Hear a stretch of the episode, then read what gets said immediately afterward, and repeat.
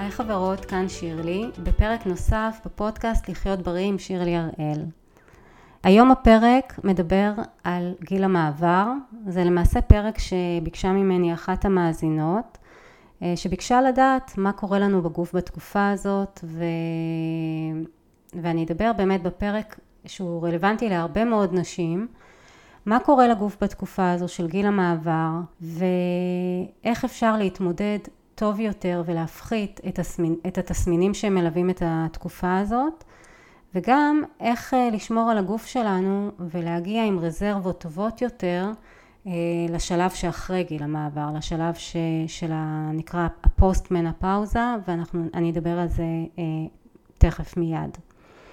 כמובן אחרי שאני אסביר מה קורה לנו בגוף בתקופה הזאת של גיל המעבר, אני כמובן אתן הרבה מאוד המלצות פרקטיות, גם תזונתיות, גם המלצות אחרות, שיעזרו לנו גם להפחית את התסמינים וגם להגיע לשלב שאחרי גיל המעבר עם רזרבות יותר טובות כדי לשמור על הבריאות שלנו.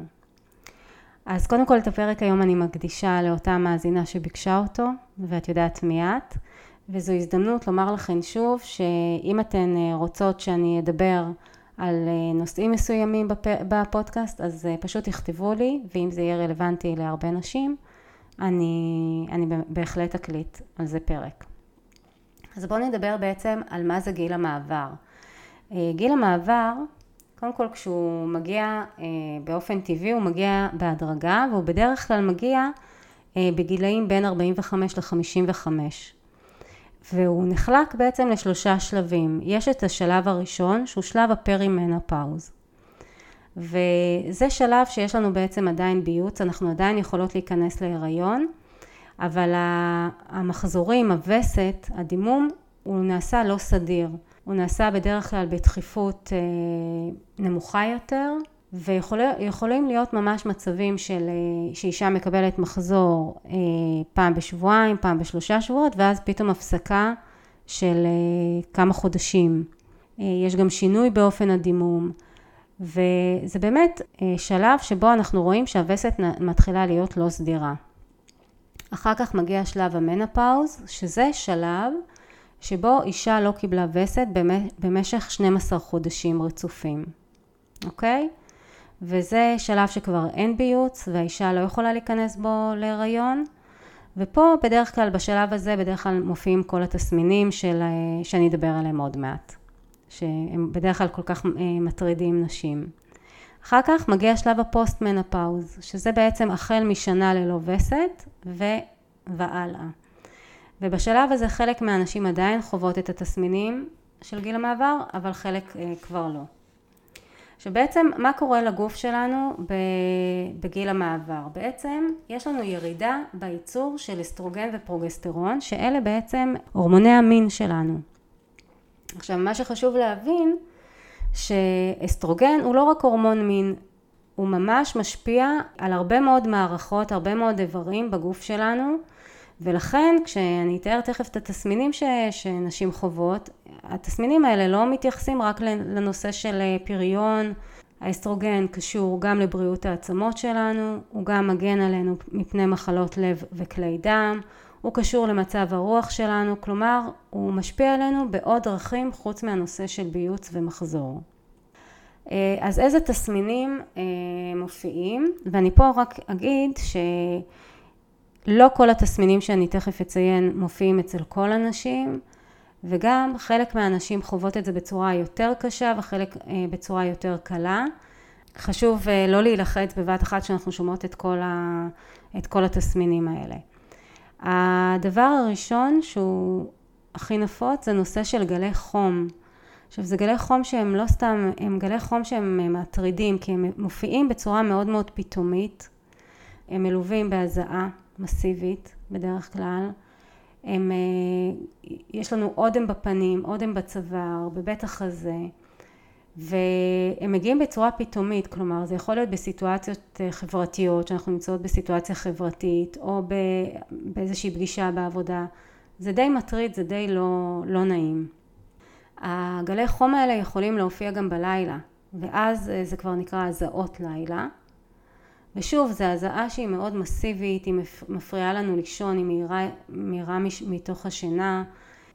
תסמינים נוספים, אה, קצב לב מואץ או לא סדיר, קשיי שינה שהם יכולים להיות גם בגלל הנושא של הזעות וגם בגלל לחץ, חרדה, כל מיני שינויים במצבי הרוח שלנו שיכולים להשפיע עלינו גם על הנושא של הירדמות בלילה.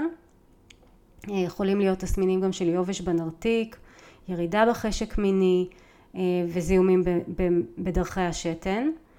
נושא של השמנה בטנית, אה, בעבר חשבו יותר שזה קשור לנושא של ירידה במטאבוליזם בקצב חילוף החומרים. היום פחות חושבים שזה, שזו הסיבה. השמנה בטנית נובעת גם מפיזור שונה של השומן בגלל הירידה באסטרוגן והיא גם אה, בדרך כלל נובעת מזה שיש לנו ירידה, תכף אני אדבר על זה, ירידה במסת השריר וגם נושא של מצבי רוח משתנים שגורמים לנשים בדרך כלל לאכול יותר את המזונות הפחות בריאים נקרא לזה ככה, יותר פחמימות, יותר סוכרים אה, פשוטים. אה, נושא של מצבי רוח הוא מאוד מאוד מהותי כי יש הרבה נשים שמדברות על זה שהן נעשות אה, עצבניות יותר, חסרת, חסרות סבלנות, או שפתאום יש התקפי בכי. מישהי ממש סיפרה לי שהיא הרגישה כאילו כל, ההשת... כל האישיות שלה השתנתה. מאדם יותר אופטימי ושמח ונינוח, היא נעשתה יותר דרוכה ויותר חס... עצבנית וחסרת סבלנות. אז כל הדברים האלה להבין ש... שזה גם אה, דבר שהוא כתוצאה מהתקופה הזאת. מה, מהנושא של ההורמונים, מהשינוי ההורמונלי. יש גם נושא של פגיעה בזיכרון, בעיקר פגיעה בזיכרון לטווח קצר. אנחנו רוצות לעשות משהו ופתאום, אוף, שכחתי מה, מה רציתי. אז זה גם מאוד מאוד אופייני. והתסמינים האלה חולפים, כלומר זה נשמע ככה, אה, יכול די להלחיץ ודי אה, להרגיש כאילו אין לנו מה לעשות עם זה, אבל הם חולפים בדרך כלל כעבור שנתיים, יש נשים שזה לוקח יותר.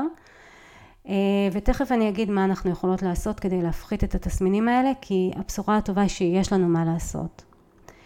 עכשיו, מה שתיארתי כאן זה תסמינים שבאמת מגיעים בצורה הדרגתית לנשים שחוות את גיל המעבר באופן טבעי, אבל יש נשים שחוות אותו בבת אחת, כלומר נשים ש...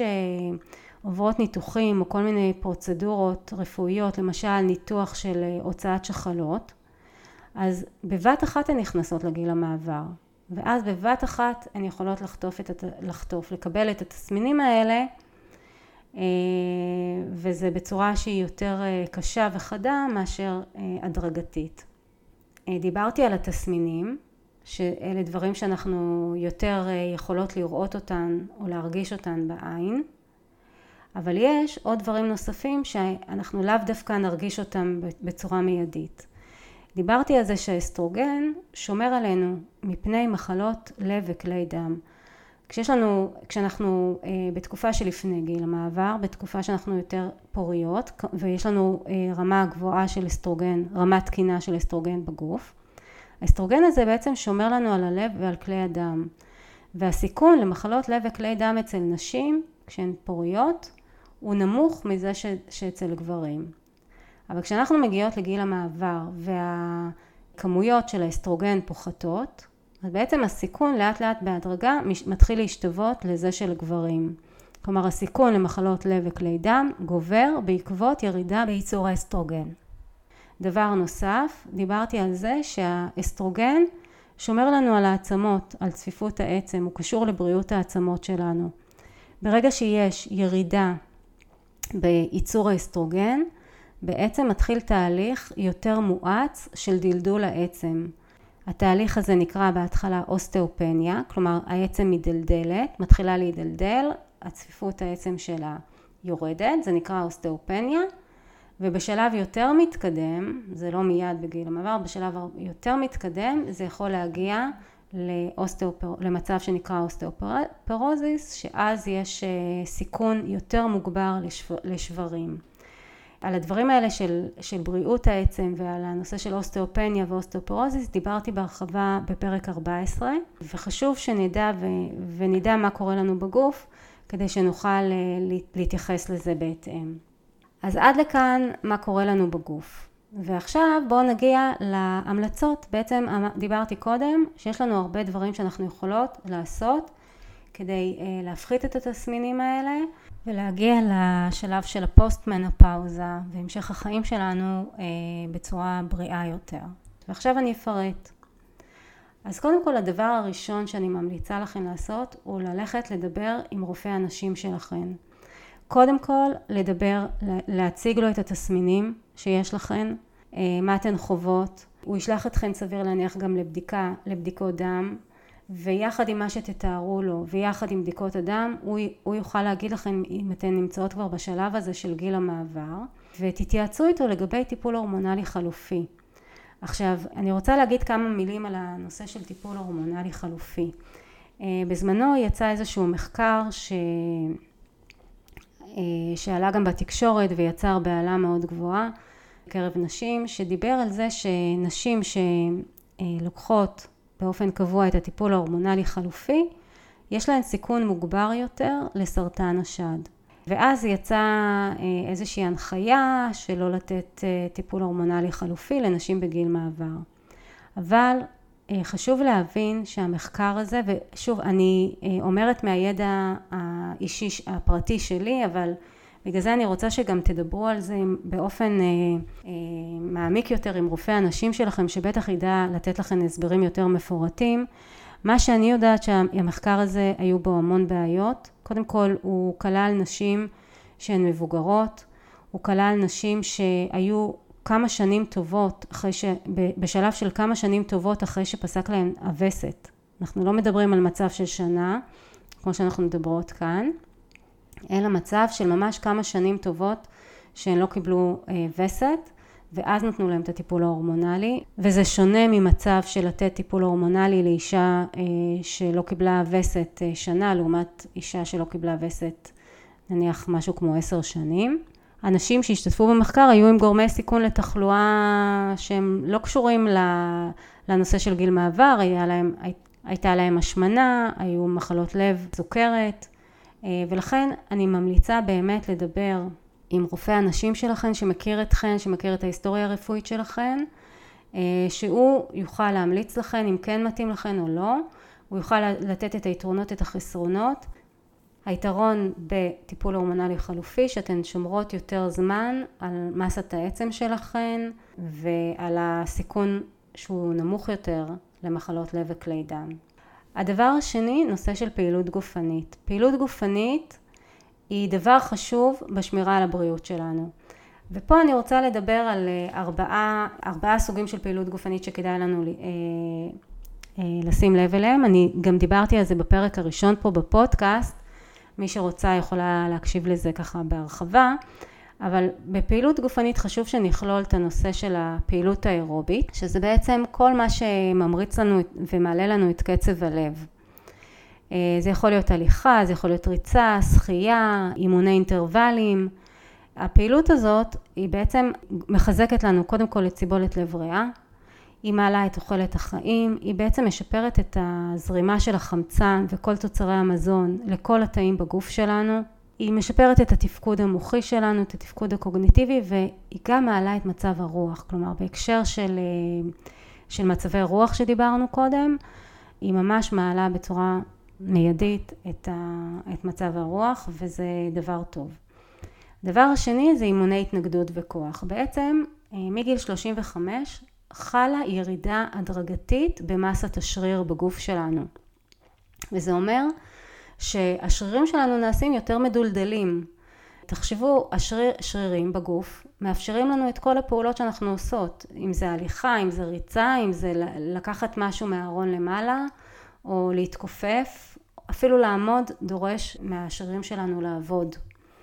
ולכן, ברגע שמסת השריר שלנו מדלדלת, היא קטנה ופוחתת, אז בעצם גם הכוח שלנו יורד, אנחנו מרגישות יותר חולשה, יותר עייפות, ויש לזה השלכה גם על הנושא של המשקל, אבל לא רק, כי מסת שריר גדולה בגוף שלנו צורכת יותר אנרגיה גם במנוחה, ולכן כשיש לנו הרבה שרירים בגוף, קל לנו יותר לשמור על המשקל, על, מש, על המשקל שלנו. אגב, גם אימוני התנגדות וכוח טובים לתפקוד של המוח ולבריאות שלו. עוד סיבה שחשוב לנו לעשות אימוני התנגדות וכוח קשורה בעצם לבריאות של העצמות שלנו. כי אמרנו שבגלל הירידה בייצור האסטרוגן נוצר תהליך יותר מואץ של דלדול העצם. ומה שתורם לצפיפות עצם יותר טובה הוא דווקא עומס שמופעל על העצם. כלומר, ברגע שאנחנו מתאמנות, עושות אימונים עם משקוליות, או אימונים עם גומיות, או כנגד משקל הגוף, כל הדברים האלה יוצרים עומס על העצמות וזה בעצם גורם להן יותר להתחזק. גם השרירים, ככל שיש לנו מסת שריר יותר גדולה, זה גם מפעיל עומס על העצם וגורם לה יותר להתחזק. הדבר הנוסף זה שיווי משקל ושוב שיווי משקל ואני אדבר גם על גמישות תכף, שיווי משקל וגמישות הם לאו דווקא רלוונטיים באופן מיידי לנושא של תקופת גיל מעבר אבל חשוב כן לתרגל את זה כבר עכשיו כדי אה, שנגיע לגיל מאוחר יותר ומתקדם יותר עם רזרבות טובות. ומה זה אומר? שיווי משקל אה, אם אנחנו לא מתרגלים אותו הוא פוחת. ו... וחשוב לתרגל שיווי משקל שהוא סטטי שזה אומר אה, נניח עמידה על רגל אחת או קפיצה על רגל אחת ושיווי משקל דינמי שזה הליכה במרחב וזה יכול להיות הליכה על קצות האצבעות זה יכול להיות אה, הליכה על עקבים זה יכול להיות ממש ללכת כף רגל צמודה לכף רגל על איזשהו קו ישר כל הדברים האלה בעצם אה, מתרגלים את הנושא של שיווי משקל וגם נושא של גמישות. בעצם גמישות עוזרת לנו לשמור על אה, טווחי תנועה, טווחי תנועה במפרקים ו... וזה חשוב כי תחשבו שאפילו ממצב שאנחנו עומדות לרדת לשבת על, אה, על שטיח זה דורש מידה מסוימת של גמישות במפרקי הירך שלנו, בגב שלנו, כל הנושא של להרים משהו, לקחת משהו מארון גבוה או להתכופף, לשרוך את הנעליים, כל הדברים האלה מחייבים שתהיה לנו מידה מסוימת של גמישות אה, ברקמות ובמפרקים. אז לא לוותר על זה, אה, גם על שיווי משקל וגמישות. עכשיו אני רוצה להגיד כמובן שכל נושא של פעילות גופנית שאתן עושות, להתחיל בהדרגה, להתייעץ עם איש מקצוע קודם, לעשות את זה בצורה הדרגתית כדי לבנות את הכושר ולבנות סרגל מאמצים בצורה מדורגת. ועכשיו אני רוצה להגיע לנושא של התזונה, כי יש פה הרבה דברים שחש... שאנחנו יכולות לעשות וכדאי להתייחס אליהם. אז הדבר הראשון אה, שאני רוצה לדבר עליו הוא נושא של חלבון, צריכה מספקת של חלבונים. אה, מה שקורה, הרבה נשים לא צורכות מספיק חלבון וחשוב להבין ש... אחד מהתפקידים של החלבונים זה בנייה, בנייה של התאים בגוף שלנו. כל תא בגוף בנוי מחלבונים וגם תאי שריר. ולכן אם אנחנו רוצות לשמור על אה, מסת שריר גבוהה ולבנות שרירים, אז אנחנו צריכות שיהיה לנו גם מספיק חלבון בתזונה כדי לגבות את זה. הצריכה המומלצת של אה, חלבון היא 0.8 גרם חלבון לכל קילוגרם משקל גוף. ואם ניתן דוגמה אז אישה ששוקלת נניח 60 קילו צריכה לקח, לאכול 48 אה, גרם חלבון ליום. עכשיו חלבון נמצא גם במוצרים מהחי וגם במזונות מהצומח. אה, מזונות מהחי אה, כוללים נניח ביצים, עוף, בשר, דגים, חלב ומוצרי חלב ומזונות מהצומח אם זה סויה, קטניות כמו שעועית אה, חומוס, עדשים, אפונה וגם דגנים כמו קינוע, קוסמת, אורז וגם יש אה, באגוזים ושקדים. עכשיו אני אגיד רק עוד מילה אחת על הנושא של חלבונים. חלבונים, אבני הבניין של חלבון אה, נקראות חומצות אמינו. זה כמו שאם אתן, אתן בונות איזה משהו מלגו, איזשהו מבנה מלגו, כל קוביית לגו נקראת בעצם חומצת אמינו. ובעצם עם החומצות אמינו האלה מרכיבות אה, מגוון מאוד מאוד רחב של חלבונים. יש תשע חומצות אמינו שהן חיוניות. מה זה אומר חיוניות? שהגוף לא מסוגל לייצר אותן בעצמו, הוא חייב לצרוך אותן מהמזון. ברוב המזונות מהצומח אין חלבון מלא, מה שנקרא. אין את כל תשע החומצות אמינו החיוניות. הן קיימות בסויה, זה קיים בקינוע ובקוסמת, אבל בכל זאת אנחנו כן נהוג לשלב את הדגנים עם הקטניות כדי לקבל חלבון מלא. זה לא חייב להיות אגב באותה ארוחה, אבל כן חשוב במהלך אותו יום כן לצרוך גם את הדגנים וגם את הקטניות. אז זה יכול להיות אורז עם עדשים, זה יכול להיות אורז עם גרגרי חומוס, אה, חומוס עם פיתה, אוקיי? אבל גם לדאוג פה אנחנו צריכים לדאוג גם שיהיה לנו כמות מספקת של חלבון בתזונה וגם שיהיה לנו את כל חומצות האמינו החיוניות. הנקודה השנייה שאני רוצה לדבר עליה היא צריכה של סויה.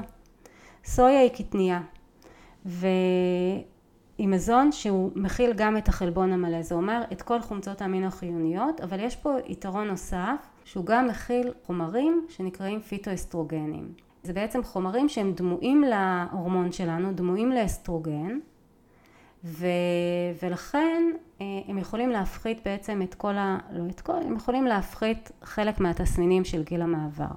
בנוסף, יש בסויה גם כמויות יפות של סידן, אני תכף אדבר על נושא של סידן. אז אם אנחנו אוכלות 100 אה, גרם סויה ליום, זה, זה יפה. ומה שחשוב בסויה היא לבחור אה, סויה שהיא אורגנית, לבחור מוצרים אורגניים ולא מהונדסים גנטית. וגם פה כדאי שהמוצר יהיה כמה שיותר, אה, כמה שפחות מעובד, כלומר עם, רכיבת, עם רשימת רכיבים קצרה יחסית, זה יכול להיות טופו קשה או חלב סויה שהוא ללא תוספת סוכר, אוקיי? כל המוצרים האחרים שהם אה, עם רשימת רכיבים מאוד מאוד ארוכה, אז הם נחשבים גם מוצרים אולטרה מעובדים, זה לא בהכרח משהו שהוא בריא לגוף. הנקודה הנוספת היא שאנחנו צריכות לצרוך אה, מספיק סידן בתזונה שלנו.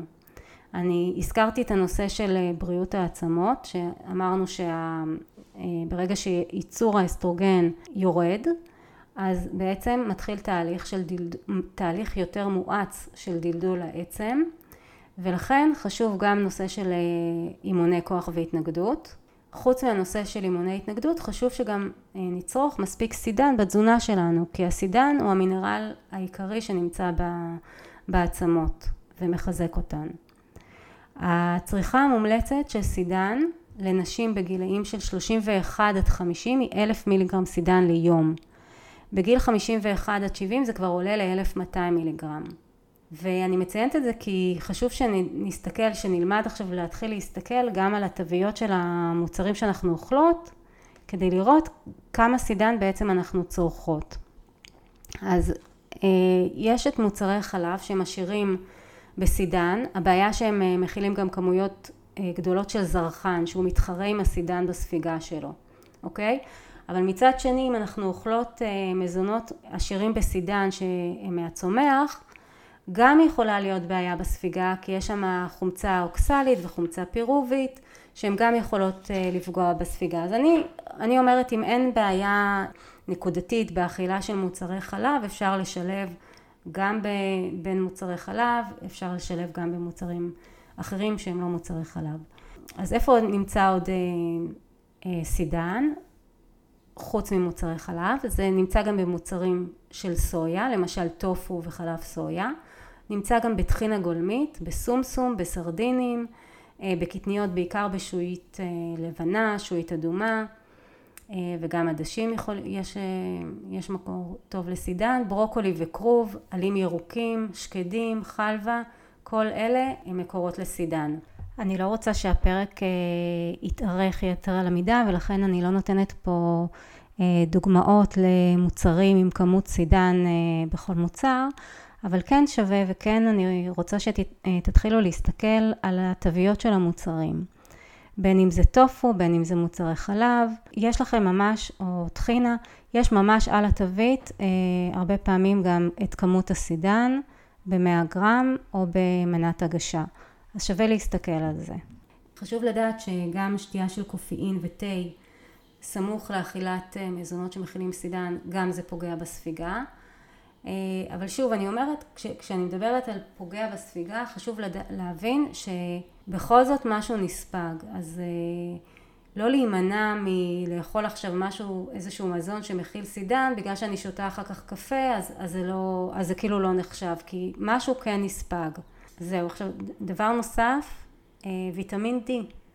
ויטמין D יש המון תפקידים בגוף, אבל בהקשר עכשיו שאנחנו מדברות עליו, יש לו אה, תפקיד גם בקליטת הסידן ממערכת העיכול אל הדם, וגם בהטמעת הסידן בעצמות. ולכן אה, חשוב קודם כל לבדוק מה רמת הוויטמין D שלכם בגוף. וזו בדיקה מאוד פשוטה שאפשר לעשות בקופת חולים, לבקש מהרופא. אם קיים מחסור בוויטמין D, אז פשוט תתייעצו או עם הרופא או עם איש מקצוע ולקחת תוסף, תוסף של הוויטמין. אם אנחנו מחפשות את זה במזון, אז אה, ויטמין D מצוי בדגים, בחמאה ובביצים, אה, וגם חשיפה מבוקרת לשמש של 20 דקות ביום בשעות המוקדמות של הבוקר, זה גם עוזר לייצר את ה... הגוף מייצר את הוויטמין D. אה, המלצה נוספת שקשורה לתזונה היא להימנע או להפחית מזונות מחממים. כל מה שמחמם את הגוף, פלפל חריף, אה, כל, כל המזונות המחממים, פלפל שחור, קינמון, כל הדברים האלה יכולים להגביר את, ה, את התחושה של גלי חום. אה, אלכוהול כדאי גם להימנע או להפחית כי זה גם מגביר את התסמינים של גיל המעבר.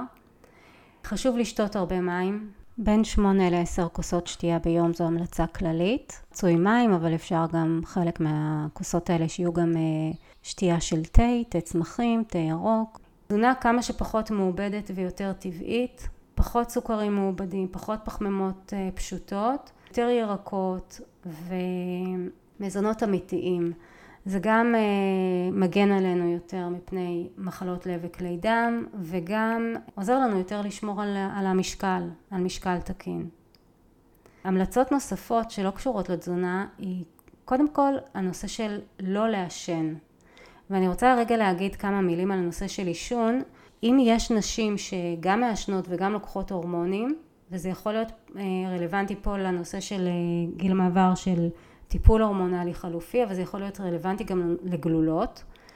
אה, זה יכול להיות מאוד מסוכן, כי השילוב הזה של הורמונים ועישון יכול לגרום לקרישיות יתר של הדם. ולכן כל אישה שלוקחת הורמונים ומעשנת חייבת לעדכן את הרופא נשים שלה בדבר הזה. דבר נוסף, דיברתי על נושא של אה, שינה, של קושי להירדם, אז חשוב לשמור פה על היגיינת שינה, על חדר חשוך, על חדר מאוברר, מצעים עדיף מכותנה, מבת שהוא נושם, כדאי לא לאכול שלוש שעות לפני השינה, כדאי, אה, אם, אם, זה, אם אתן רגישות לקופאין, אז כדאי להפסיק את הצריכה של קופאין משעות אחר הצהריים, לא לצרוך יותר קופאין, להימנע ממסכים בשעה שקודמת לשינה, וגם לא לעשות פעילות גופנית נמרצת לפני השינה, כי זה גם כן אה, מעיר אותנו. אה, נושא של סטרס וניהול רגשות, דיברתי על זה שיש הרבה נושא של עצבנות ויש הרבה דכדוך ו- ו- וכל הנושא הזה של אה, סטרס. תנסו למצוא כל אחת מה עוזר לה להירגע. אני דיברתי פה מכמה זוויות שונות אה, על הנושא של סטרס ונושא של ניהול הרגשות וניהול המחשבות שלנו, דיברתי על זה בכמה זוויות פה בפודקאסט, אתן יכולות להקשיב. אבל באמת חשוב לנו אה, גם להבין בנושא הזה של סטרס שזה באמת אה, התסמינים האלה הם לא לעד הם מתישהו חולפים ובאמת יש לנו יש לנו מה לעשות איתם כדי להפחית אותם. בהקשר של גלי חום גם כדאי ללבוש בגדים מהרגים שהם יותר נושמים ויותר טבעיים כי זה גם יעזור לנו בעניין הזה. אז עד כאן דיברתי על, על ההמלצות אני רוצה רק אה, לסכם את כל מה שדיברתי כי יכול להיות שזה ככה נשמע בבת אחת הרבה מאוד אז אה, אני רוצה לסכם את זה ככה שתיזכרו. קודם כל דיברנו על הנושא של אה, לדבר עם רופא הנשים שלכם. קודם כל לספר לו את התסמינים ולהתייעץ איתו על נושא של טיפול הורמונלי חלופי. דיברתי על נושא של פעילות גופנית, על אירובי, על כוח, על שיווי משקל וגמישות. דיברתי על תזונה, ש... אה, לצרוך גם כמות מספקת של חלבון, שזה 0.8 גרם חלבון לכל קילוגרם משקל גוף. דיברתי על צריכה מספקת של סידן וויטמין D. דיברתי על סויה כמקור לחלבון, לסידן ולפיטואסטרוגנים. אמרנו שכדאי להימנע או להפחית אלכוהול ומזונות שהם אה, מחממים יותר או תבלינים מחממים. ודיברנו על לש... לשתות מספיק מים ולשמור על תזונה כמה שיותר טבעית ופחות אה, אולטרה מעובדת. דיברתי על היגיינת שינה, על הפחתת סטרס ועל לבישת בגדים מהרגעים שהם נושמים וכמובן הימנעות מעישון. אז זהו זה להיום. אני מקווה שאתן מבינות שיש לנו הרבה מה לעשות ושככל שנעשה מוקדם יותר ונשמור על הגוף שלנו אנחנו מגיעות באמת עם רזרבות טובות יותר לגיל שאחרי ואני מדברת על רזרבות אה, במסת העצם, במסת השריר ובכלל עם אה, בריאות יותר טובה ותקינה וזה הולך איתנו הלאה להמשך החיים שלנו. אז זהו זה, אני אסיים פה. אה, אני מקווה שמי שמקשיבה ועוברת את התקופה הזאת שאני מקווה שזה יעבור לך בקלות ואנחנו נתראה בפרק הבא. אם יש לכם שאלות נוספות או דברים נוספים שאתן רוצות שאני אקליט עליהן פרק תכתבו לי דרך האתר שירלי הראל או בדף הפייסבוק שלי או דף האינסטגרם. אז נתראה בפרק הבא וביי לבינתיים. כל האמור בפודקאסט לחיות בריא עם שירלי הראל הוא בגדר מידע כללי בלבד ואינו מהווה טיפול אישי או ייעוץ תזונתי אישי. לפני ביצוע ההמלצות שהובאו בתוכנית, יש להיוועץ ברופא או באיש מקצוע אחר.